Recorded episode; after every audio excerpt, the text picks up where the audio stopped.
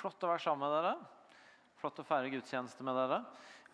Lovt å hilse til dere fra naboene våre. Jeg var og talte hos eh, Karismakirken rett over krysset her før eh, tidligere i dag. Og eh, lovte de at jeg skulle hilse til Imi og takke for at vi er der, og at vi kan gå sammen. Så da har dere en hilsen fra gode naboer. Gleder meg, har gleda meg til denne kvelden. Jeg tror at Gud gjør noe spesielt i kveld. Om vi får merke det i kveld, eller om det er noe som sås, som vi skal hente ut seinere, det vet jeg ikke. Men jeg tror uh, Gud gjør et eller annet spesielt i kveld. Jeg gleder meg til det. Uh, vi, For du som er ny eller på besøk, så er vi i gang og har vært det en stund med å gå gjennom Markusevangeliet. En av de fire bøkene i Bibelen hvor uh, historien om Jesus fortelles. Vi har kommet til kapittel 7, ganske midt i boka nå. Eh, og det er det kapittelet vi skal se litt på i kveld. Og Før jeg sier så mye mer Nei, oi! Jeg må, jeg må si en ting til først, som ikke har noe med det å gjøre. Nå hadde jeg jo, Det var en flott introduksjon. Men vi må spole tilbake. Jeg må si en ting til først. Og det er at uh, hvis du er på gudstjeneste i kveld, er blitt en del av denne kirka, vet at det er her du hører til, men ikke har blitt medlem her, så er det faktisk sånn at du har sjansen etter gudstjenesten i dag til å komme hjem til meg og Hildegunn i Gråsteinveien 24 på Tastad.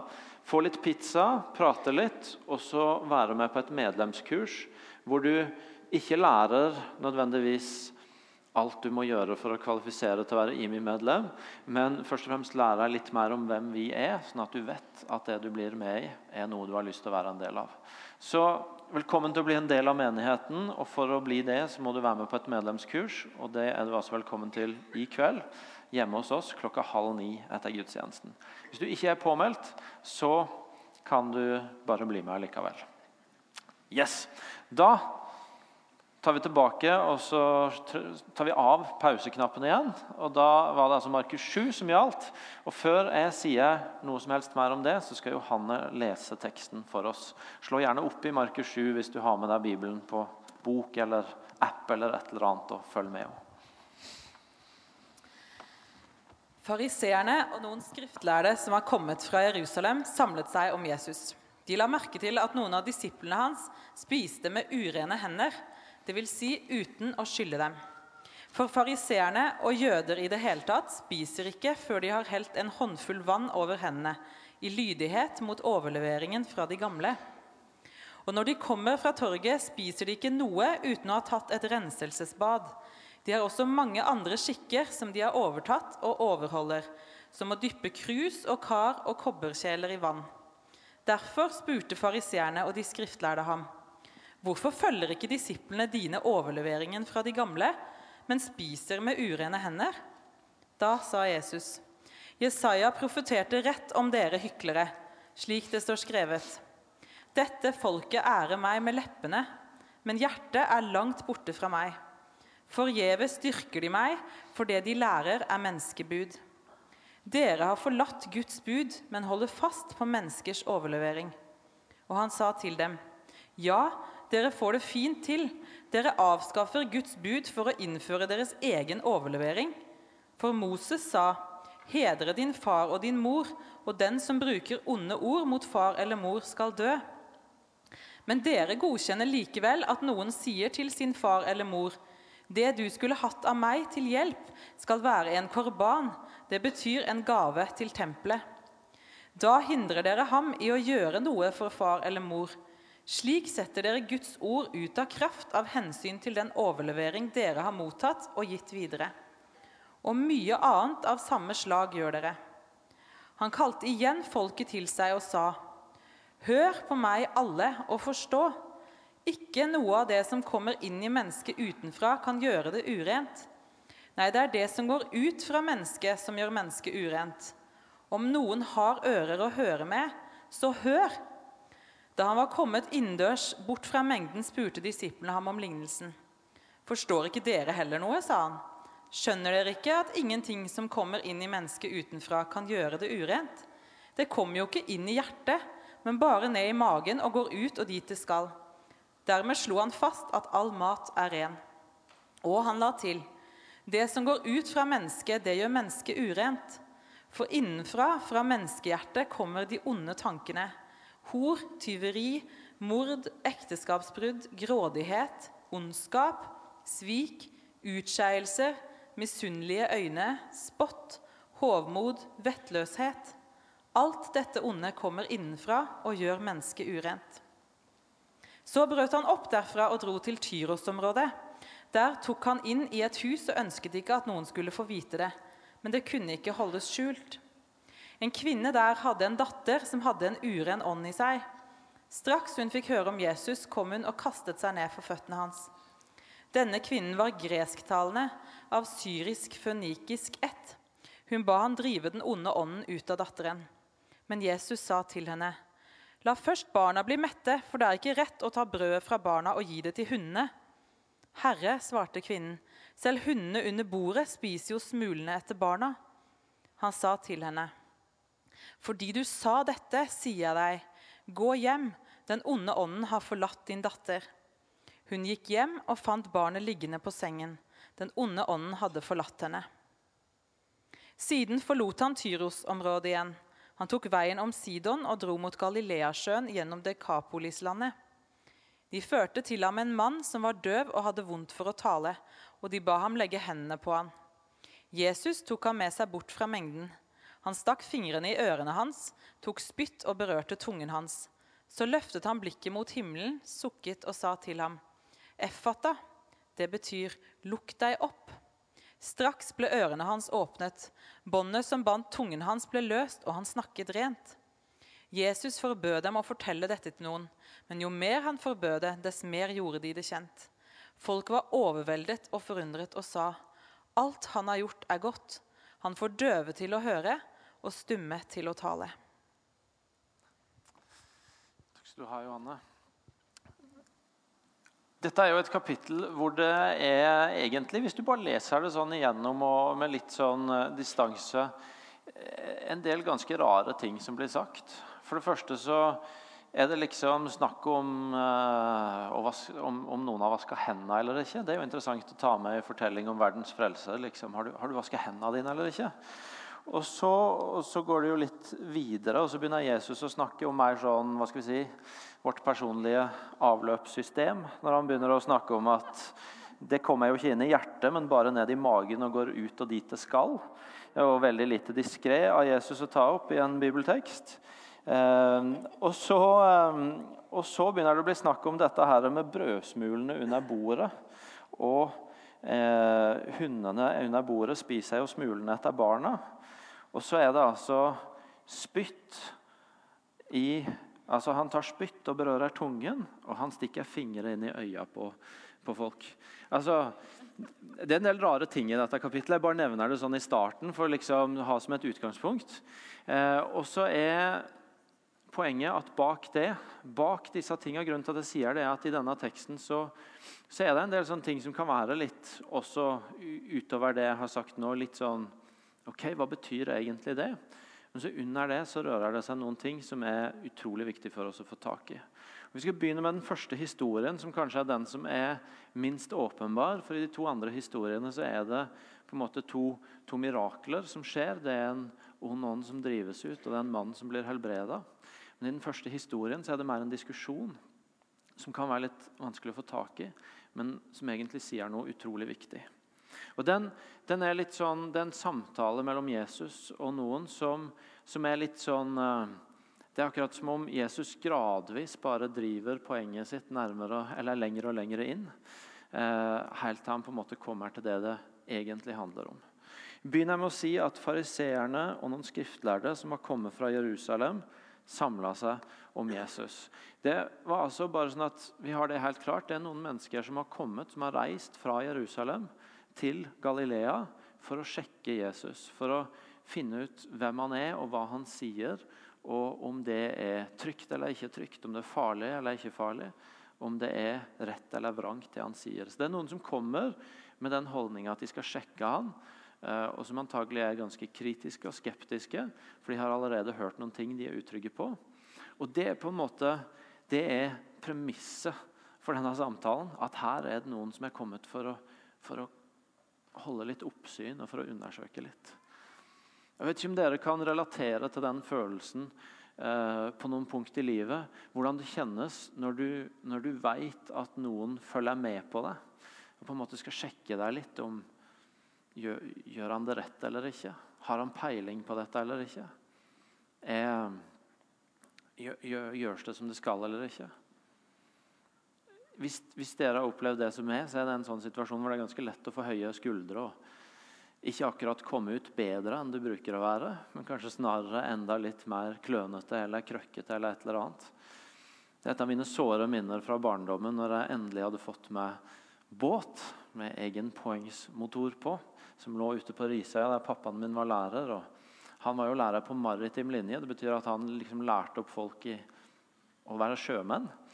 Og de som har vært i IMI lenge, nå har jeg hatt en pause fordi jeg har liksom dosert så mye om det en stund. Så jeg har ikke snakka så mye om hvor lite praktisk anlagt det er. Men dere som har vært her en stund, dere vet jo om det. Eh, og jeg har på en måte gitt mange gode og mindre gode eksempler på det. Eh, og det begynte jeg allerede i ung alder. Eh, det, er ikke noe som har kommet med åra. Eh, så ved siden av alt jeg har ødelagt av skuffer og skap, og alle sånne ting, så, så skulle jeg da altså nå prøve meg som sjømann og hadde fått meg min egen båt. Og var helt tidlig å på en måte ta mine første turer alene. Og kom jeg stolt ned til denne her røde, veldig lille jolla med en liten fem, fem hesters poengsmotor på, og den røde bensintanken min. Og så er det bare ett skår i gleden. Og det at like foran, eller like oppi skråninga ved der båten min ligger, så har faktisk alle de andre lærerne på maritim linje de har hageselskap. Og jeg er sønnen til sjefen de sin, han som på en måte er sjefen for de som lærer folk til å være sjøfolk. Og jeg vet at de vet at jeg er klønete. og da er du der med høye skuldre, ikke sant? Og Jeg skal ikke bruke mye tid i denne talen på å utrede hele den hendelsen, men jeg kan bare på en måte dra til konklusjonen, som endte med at både jeg og bensintanken lå i vannet istedenfor oppi båten. Eh, og alle fikk seg en god latter. Dere kan ha litt medynk, men jeg vet ikke om jeg var en åtte-ni år. Men poenget er når du føler at noen følger med på deg, sjekker deg, er litt ute etter deg, så stiger skuldrene våre. Og så er det ikke alltid at vi kommer ut bedre enn vi er. Og det kan skje på langt mer alvorlige ting enn en bensintank og en sjøl i et vann. Og Det er settinga her. Og ganske riktig så står disse og følger med på Jesus og disiplene hans. Og så ser de Ja, men han eh, De vasker jo ikke hendene. Det står at eh, så står det at de la merke til at noen av disiplene hans spiste med urene hender, dvs. Si uten å skylle dem. For fariseerne og jøderne, jødene, jøder i det hele tatt spiser ikke før de har helt en håndfull vann over hendene i lydighet mot overleveringene fra de gamle. Og Så fortsetter det på en måte med å beskrive hvordan de har noen sånne ritualer for å vaske seg og rense seg før de skal spise. Og Så spør de da, ja, men hvorfor følger ikke disiplene dine overleveringa fra de gamle, men spiser med urene hender. Og Så begynner Jesus å drive inn et et poeng som han gradvis pusher mot gjennom denne samtalen. Når han sier Jesaja profeterte rett om dere hyklere, slik det står skrevet. Dette folket ærer meg med leppene, men hjertet er langt borte fra meg. Forgjeves styrker de meg, for det de, det de lærer, er menneskebud. Han begynner å touche inn på at vet du nå, Når dere har dette fokuset her, så ærer dere meg med det dere sier, med de ytre tinga men ikke med hjertet deres. Dere har laga noen, noen, bud, noen regler, som er menneskebud, ikke Guds bud, som, som kanskje i det ytre ser ut som at dere er veldig fromme, men som egentlig ikke representerer det jeg ønsker. Og så fortsetter han og på en måte gjøre det enda tydeligere når han sier og alltid gøy, Av og til gøyalt med formuleringene til Jesus. Han sier ja, dere får det fint til. Nå begynner han å komme på offensiven her. Dere, dere er noen smartinger, dere. Eh, og så sier han dere avskaffer Guds bud for å innføre deres egen overlevering. For Moses sa, 'Hedre din far og din mor', og de som bruker onde ord mot far eller mor, skal dø. Men dere godkjenner likevel at noen sier til sin far eller mor, 'Du skulle hatt av meg til hjelp, det du skulle hatt av meg til hjelp, skal være en korban, Det betyr en gave til tempelet. Da hindrer dere han i å gjøre noe for far eller mor, og sånn setter dere Guds ord ut av kraft av hensyn til den overleveringa dere har mottatt og gitt videre. Så begynner Jesus å bare gjøre det enda tydeligere at vet du noe, dere har arva noen sånne tradisjoner, noen måter det er tenkt, som, som, noen har på en måte sagt til dere at sånn skal det være, som ikke nødvendigvis er det som var Guds ord og Guds bud og Guds hensikt. Og så bruker dere til og med det, som er ytre ting, til å holde folk unna å leve det livet som Gud hadde tenkt for dem. Gud hadde tenkt at de skulle sørge for å hedre sin far og sin mor, men så bruker dere noe annet som er kommet til i ettertid, som på, og som er en sånn ytre greie, som et påskudd for å hoppe over det. Fortsetter han bare å pushe på det at vet du noe, det er et eller annet som er gått helt galt her. Og Så fortsetter han med dette som har med mat å gjøre, og det som kommer inn i magen, og hvor det går og ikke går. Eh, når han sier at ikke noe av det som kommer inn i mennesket utenfra, kan gjøre det urent. Nei, det, som går ut fra det er det som går ut fra mennesket, som gjør det urent. Inn i en religiøs gruppe i en kultur hvor det var masse fokus på at noe mat var rein og noe var urein, så bare fortsetter han på en måte å få fram poenget sitt ved å si at vet du noe, det er ikke det dere spiser, som gjør dere reine eller ureine. Det er, ikke, det er ikke der kampen står om dere og, og, hvem dere er og deres liv med Gud. Det er, ikke, det er ikke ved maten striden står. Det er ikke ved håndvasken, og det er ikke ved maten. Og så kommer han til slutt til det som er poenget han vil ha fram, når han sier eh, mot slutten her eh, at det er det som går ut fra mennesket, det gjør mennesket urent. For innenfra, fra menneskehjertet, kommer de onde tankene. Hor, tyveri, mord, ekteskapsbrudd, grådighet, ondskap, svik, utskeielser, misunnelse, misunnelige øyne, spott, hovmod og vettløshet. Alt dette onde kommer innenfra og gjør mennesket urent. Det Jesus sier, er at vet du noe? det er ikke alle de greiene der ute. Håndvasken eller maten eller de tinga det handler om. Men det er hjertet deres det handler om. Det er det som skjer inni hjertet deres, kampen står om. Og det er det som skjer i hjertet deres, som vil være utgangspunktet for ei endring for at dere kan leve med Gud. Han, han, han på en måte bare gjør det tydeligere og tydeligere at vet du noe, dere holder på her ute, men det er her inne det skjer. Det er her inne det skjer. Han konfronterer en religion hvor det er fasaden det står om. Det handler om fasaden, det handler om å se from ut. Og hvor en kan ha orden på alt der ute uten å ha deala med det som er her inne. Og så sier han at vet du noe, det er ikke sånn det er. Det er ikke der ute, men det er her innerst tiden står. Og i den større fortellinga som Markusevangeliet er, som begynte med Markus 1.1. For de som husker tilbake til når vi begynte denne serien, så hadde vi første søndagen om det første verset i Markusevangeliet, hvor det står dette er evangeliet om Jesus Kristus. Dette er de gode nyhetene om Jesus Kristus. Det utgangspunktet. Så er vi nå kommet ca. midtveis i historien. Og Her begynner Jesus bare å gjøre det tydeligere. Noe som til slutt skal bli veldig tydelig, nemlig at vet du noe? Mulighet Dere er nødt til å se at hvis dere skal få ordna opp i den virkelige problemet deres, så kommer dere ikke til å klare det sjøl. Dere trenger med. Dere trenger Jesus. Dere trenger han som noen kapitler seinere skal dø på et kors for å rydde opp i det som ikke vi kan rydde opp i sjøl. Han presser de sakte og sikkert mot den erkjennelsen at vet du noe, dere kan holde på så mye dere vil her ute, med fasader og fromhet og regler dere har skapt sjøl. Men på et eller annet punkt så må dere se at det er her inne noe må skje. Det er her inne det må ryddes, renses, snus om, finnes nytt liv. Og så vet Jesus det, at i det øyeblikket de skjønner det, erkjenner det, så vil de også gjøre den oppdagelsen at vet du noe, det klarer vi ikke å rydde opp i på egen hånd. Noe av grunnen til at det er så lett å holde på her ute, er at da kan vi prøve å fikse det på egen hånd. Men når vi skal begynne å rydde i det som fins her inne,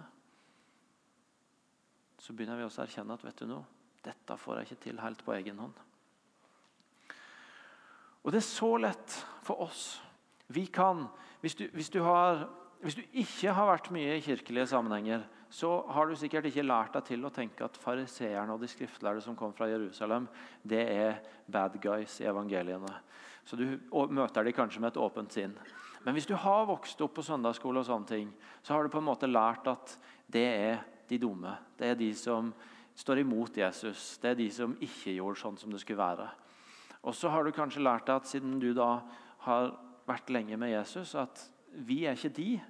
Vi er vel heller et eller annet sånn med Jesus og disiplene å gjøre. Og så er det lett å tenke at vi holder jo ikke på med det de holdt på med, for de er jo de andre.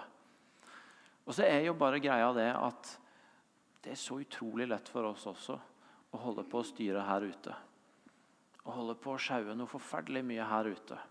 For å holde maska, for å holde fasaden, for å holde styr på ting. Og tenke at hvis vi klarer å holde orden på, sjonglere alt det som er her ute, så blir det sikkert bra. Og så trenger vi å gjøre erkjennelsen av at vet du noe, jeg er nødt til å slutte å styre her ute. Jeg sier ikke at, at alt er meningsløst av det som har med å holde litt orden på livet sitt. Men hvis, hvis målet for å rydde opp, for å få det rett med Gud, men også for å få det godt med seg sjøl og med verden rundt, er å bare drive og orge her ute, så går vi glipp av at vet du noe, rota det som virkelig kommer til å snu rundt på ting, det som virkelig kommer til å forvandle ting, det handler om et eller annet her inne. Og det kan vi ikke fikse opp i sjøl. Når vi overgir oss til det, så er vi også nødt til å skjønne at vet du noe, det kommer jeg ikke til å klare på egen hånd. Og det kan skje på så mange nivåer i livet vårt. Kanskje er du stressa og kjenner ikke fred. Du kjenner alt annet enn fred i livet ditt.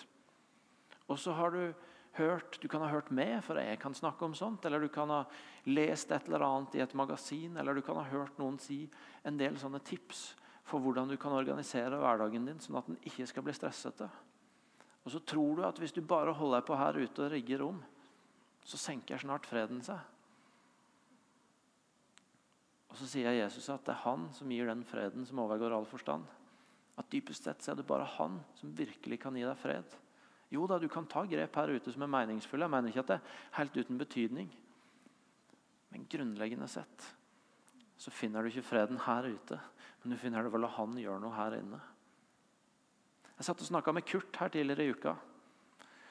Som flere av dere har møtt. Du kan vinke Kurt, så de vet hvem du er. Eh, flere av dere har møtt ham før, for han har vært her fram og delt. Eh, blant annet så delte han på takkegudstjenesten. og Hvis noen av dere så han på TV tidligere i uka. Der var det noen andre også som var, bare for å nevne det i en parentes. Eh, så, så eh, Dere må gå inn på nrk.no Rogaland og se innslaget. Det var veldig flott innslag. Pga. Kurt, ikke pga. meg. Eh, så, og Olav og Kjetil og de andre som var der. Eh, han forteller om hvordan han har levd 20 år med rus og kriminalitet. Og så har han fått livet sitt forvandla. Så forteller Kurt noe som er veldig interessant. Han sier rusfri det ble jeg uten troa og menigheten. Jeg, jeg, jeg, klarte å kvitte meg med rusen, og jeg klarte å rydde opp i en god del ting her ute. Men jeg hadde det fortsatt ikke bra. Jeg hadde fortsatt ikke et godt liv, hørte han senest sto her og si på fredag. Fordi det tomrommet, de tinga som rørte seg inni meg, som jeg før hadde prøvd å fylle med rus, med penger, med damer, med biler, med forskjellige ting det var ennå ikke fylt. Han snakka på takkegudstjenesten her i november om hvordan han tenkte at oi, nå er jeg rusfri, nå blir sikkert resten av livet kjedelig. For nå har jeg ikke noe å brenne for lenger. Han skjønte ikke hva han skulle brenne for. Han ikke kunne brenne for å holde på å styre og deale. Men så forteller han om hvordan det å møte Jesus har vist han en vei til det gode livet. Hvordan han har funnet noe å brenne for. Noe har skjedd i hjertet hans som han ikke fant ut av. Til og med ikke ved å rydde så mye opp her ute at han ble kvitt rusen. Men han trengte hjelp av noen andre for å rydde opp i det som skjedde her inne. Jeg tror jeg kunne nevnt andre, for, andre eksempler. Jeg snakka om stress. Jeg har gitt Kurts eksempel.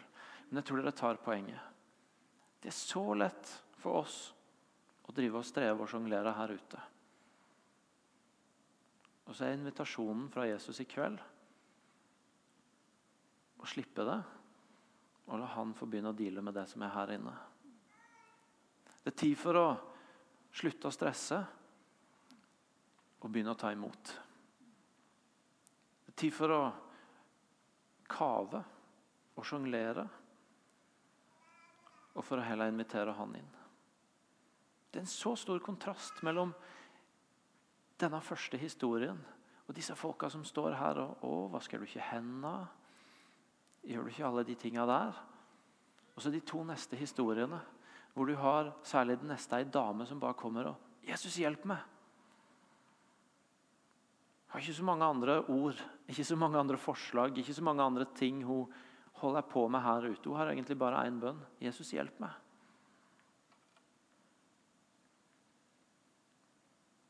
Derfor så tror jeg at ordet fra Gry var utrolig tett på det som er hjertet for Gud i kveld. Invitasjonen til å komme hjem. Til å slutte å streve, til å begynne å ta imot. Til å komme hjem og la noen ta imot det.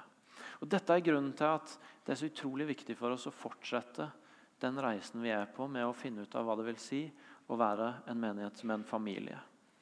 Fordi at i en familie så kan du komme hjem. I en familie som fungerer, så kan du slippe forsvarsverket. Du kan droppe å holde på her ute for å holde fasaden. Og så kan du snakke sant om hvem du er. Slippe fasaden, senke skuldrene og slippe ut det som finnes her inne, som trengs å deales med. Og Det er det vi ønsker at denne menigheten skal være. at Det er derfor vi snakker så mye om å være en familie. For Vi har lyst til at det skal være et sted hvor det er ok å komme og slippe den fasaden. Slippe alle de tinga du har i lufta, sånn at det går faktisk bra om de knuser. Og så er det noen som tar imot deg og hører på deg og hjelper deg til det stedet hvor det ikke er dine anstrengelser, men Guds nåde som begynner å gjøre noe i hjertet ditt. Tid for å slutte å stresse og få begynne å ta imot. Det er tid for å komme hjem og slippe ned forsvarsmuren. Det er tid for å være med på å bygge et hjem. Og ikke stå og se sånn på andre og tro at det skal forandre dem. I stedet begynne å tro at Guds nåde kan forandre hjertet ditt sitt. Jesus kom ikke for å sjekke om du har vaska hendene dine, som de gjorde her. Han kom ikke for å sjekke alle de andre tinga du måtte ha på sjekklista di, som du prøver å holde oppe her heller. Men han kom faktisk for å hjelpe deg til å håndtere dritten jeg og du har på innsida her, som vi ikke helt finner ut av som trengs å ryddes opp i for at livet vårt skal komme på rett kurs. Han kom for å gi ny retning, ny hensikt, nytt perspektiv. Han kom for å gjøre det som ingen av oss kan gjøre på egen hånd. Jesus gjør det så tydelig for folka i denne teksten at vet du noe? Dere prøver å fikse det sjøl. Hvis dere virkelig vil rydde opp, så er dere nødt til å slippe meg til. Og Det er invitasjonen i kveld òg til meg. Jeg trenger det. Jeg holder, holder av og til på her ute. Og dere trenger det. Det er ikke en prosess du blir ferdig med. Det er ikke noe du har gjort en gang for alle. Men det er noe du trenger å holde fast i.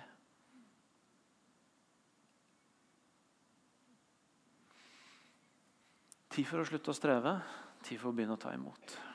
Tid for å komme hjem, tid for å slippe fasaden. Tid for å bygge et hjem og, og la folk få møte Guds nåde. Vi skal be litt inn i det etterpå, men jeg har lyst til å se på et par ting til i denne teksten vi har lest i dag. Neste historien er interessant, fordi at der har Jesus kommet til et annet sted. Og så tar han inn og vil ikke at noen skal få vite om det. Men så er det altså ei dame som får tak i det som har ei datter som har en uren ånd i seg. Ei datter, Tenk deg det. Når du har Når barna dine er, er herja av et eller annet som plager dem. Hvor vondt det gjør. Og Denne dama er i den situasjonen. Og Derfor så stiller ikke hun seg opp og inspiserer om Jesus og disiplene vasker hendene, eller om de gjør alle ting riktig. Men hun har egentlig bare én bønn. Hun. Kan du hjelpe meg? Kan du ordne opp i dette her? For jeg får det ikke til sjøl. Hun har latt den fasaden falle, hun. Og så roper hun heller på Jesus. Kan, kan du hjelpe meg? For jeg har ikke sjans. Og Så kommer denne her underlige dialogen som bare gir det neste poenget jeg har lyst til at vi skal ta med oss i kveld. For Så sier Jesus dette rare. La først barna bli mette. For det er ikke rett å ta brødet fra barna og gi det til hundene. Med andre ord Han prøver egentlig å si at vet du noe, jeg, jeg tror ikke jeg skal hjelpe deg, for jeg er her egentlig for å hjelpe noen andre enn du. Men så argumenterer han da. Ja, men Herre, sjøl hundene under bordet spiser jo smulene etter barna. Og Jesus liker tro, Jesus liker pågåenhet. Jesus liker at folk prøver seg. Det ser vi igjen og igjen, også her. Og Derfor så ender det med at OK Freidig forslag, men du skal få som du spør. Og så, og så rydder han opp. Så ordner han opp. En ting her som jeg syns er interessant. Jesus vil egentlig avvise henne. Han prøver egentlig å si at vet du noe, det er ikke du jeg er her for å hjelpe. Og Det er jo underlig når det er Jesus som vil egentlig møte alle med godhet. Og Det det handler om, er at Jesus er så bevisst på det oppdraget han har fått. Han er kommet for å bringe Guds rike til Guds eget folk, israelsfolket. Og så har han den overbevisninga at hvis han får gitt evangeliet til de, så skal de ta det videre. Til, da, da, kommer det til å gå til resten av verden. Det står i 1. Mosebok 12 om det folket at de skal bli velsigna for å velsigne resten av verden. Og så er han så fokusert på at dette er det jeg er sendt for å gjøre, at han nesten prøver å avbryte den forstyrrelsen fra ei dame som ikke er en del av det folket. Og så er han heldigvis òg bevegelig, så han er ikke rigid.